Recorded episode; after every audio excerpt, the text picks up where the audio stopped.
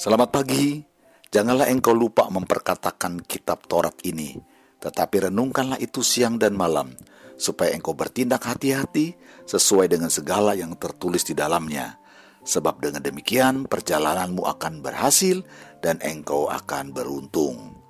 Mari kita terus dengarkan firman Tuhan dan sukses selalu. Shalom, tidak pernah bosan kita selalu rindu untuk mendengarkan podcast kita Ya, tema kita hari ini adalah bukan orang upahan. Kenapa bukan orang upahan? Karena memang kalau orang bukan upahan itu mereka nggak uh, orang upahan itu orang yang nggak punya memiliki tanggung jawab emosional yang sama seperti pemilik ya. Maka hari ini saya boleh menyatakan kamu itu bukan orang upahan gitu. Jadi jangan merasa kita adalah orang upahan sehingga keluar dari tanggung jawab, terlalu cuek ya jadi kalau kita sadar kalau kita adalah uh, orang yang bukan upahan, berubahlah. Karena kalau orang upahan, mereka adalah orang-orang yang kurang bertanggung jawab. Sudah-sudah pasti kita rindu. Radio Pokas ini memberkati kita semuanya. Radio Pokas ini mengingatkan kepada kita jauh ke depan banyak orang yang diberkati. Saudara-saudara, jangan pernah sudah merasa bosan untuk terus mendengarkan kebenaran firman Allah. Karena firman Allah adalah benar adanya, dan membantu kita dalam segala hal. Kita ambil dalam Yohanes 10 ayat 11 sampai ayat yang ke-18. Akulah gembala yang baik. Gembala yang baik memberikan nyawa-nyawanya bagi domba-dombanya. Sedangkan seorang upahan yang bukan gembala dan juga bukan pemilik domba-domba itu sendiri ketika melihat serigala datang meninggalkan domba-domba itu lalu lari sehingga serigala itu menerkam dan mencerai beraikan domba-domba itu. Ia lari karena ia seorang upahan dan tidak memperhatikan domba-domba itu. Akulah gembala yang baik. Aku mengenal domba-dombaku dan domba-dombaku mengenal aku. Sama seperti Bapa mengenal aku dan aku mengenal Bapa. Dan aku memberikan nyawaku bagi domba-dombaku. Ada lagi padaku domba-domba lain yang bukan dari kandang ini. Domba-domba itu harus kutuntun juga dan mereka mendengarkan suaraku. Dan mereka akan menjadi satu kawanan dengan satu gembala Bapa mengasihi aku oleh karena aku memberikan nyawaku untuk menerima kemenyak kembali. Tidak seorang pun mengambilnya daripadaku, melainkan aku memberikannya menurut kehendakku sendiri. Aku berkuasa memberikannya dan berkuasa mengambilnya kembali. Inilah tugas yang kuterima dari Bapakku. Nah, menyambung dari perkataan Yesus waktu beberapa hari yang lalu bicara tentang Yesus adalah pintu bagi domba-domba dan Yesus menjadikan atau menyatakan dirinya adalah sebagai gembala yang baik, ini membandingkan dengan orang upahan atau seorang gembala yang tidak dikenal oleh kawanan domba. Lagi-lagi tadi saya sudah mulai katakan bahwa orang upahan tidak bertanggung jawab. Jelas, orang upahan adalah seorang yang dibayar hanya untuk mengawasi kawanan domba. Dia tidak punya ikatan batin, ikatan emosional dengan uh, domba-dombanya atau dengan pemiliknya.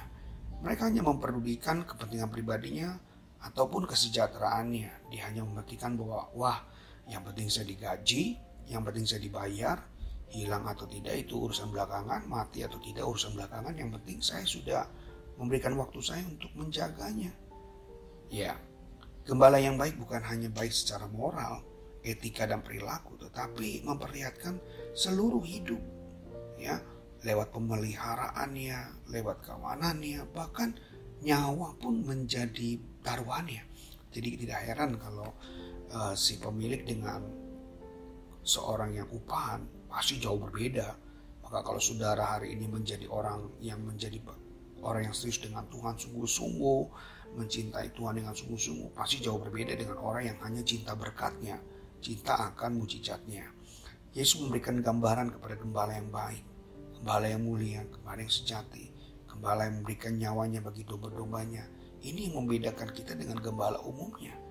Yang dengan sengaja terencana untuk menyerahkan nyawanya untuk tujuan menebus kawanan domba miliknya.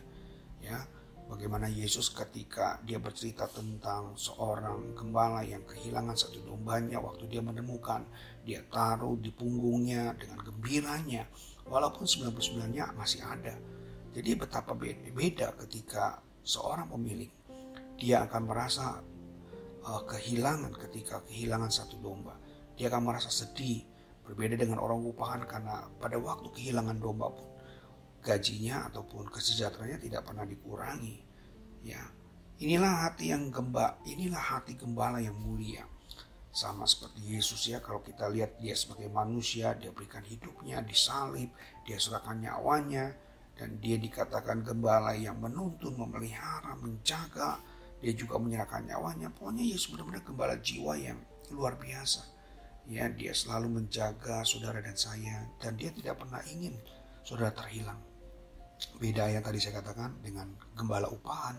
Kalau saudara hanya menjadi gembala upahan, kita rugi saudara ya kita punya tidak punya kesatuan emosional yang sama ya tidak ada kepedulian merasa cuek ya ada boleh nggak ada juga nggak apa-apa itulah kalau orang upahan tapi kalau kita pemilik domba sejati domba uh, gembala yang sungguh-sungguh maka kita akan menjaganya sampai nanti pada waktu hasilnya kita akan disebut orang berbahagia saya rasa itu saja menjadi fokus kita kiranya sudah diberkati ingat Saudara bukan gembala yang upahan, tapi gembala pemilik yang sesungguhnya sama seperti Yesus.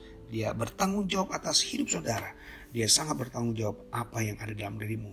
Dia tidak tinggalkan, dia tidak pernah biarkan saudara tetap dijagai sampai kapan pun. Itu saja podcast kita kiranya jadi berkat buat saudara dan saya. Bagikan supaya orang lain di luar sana juga memahami mengerti bahwa kita bukan gembala upahan, tetapi kita adalah gembala sesungguhnya seperti Yesus. Puji Tuhan, Shalom.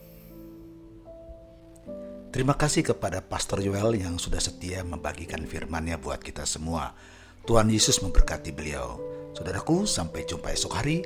Tuhan Yesus memberkati. Shalom.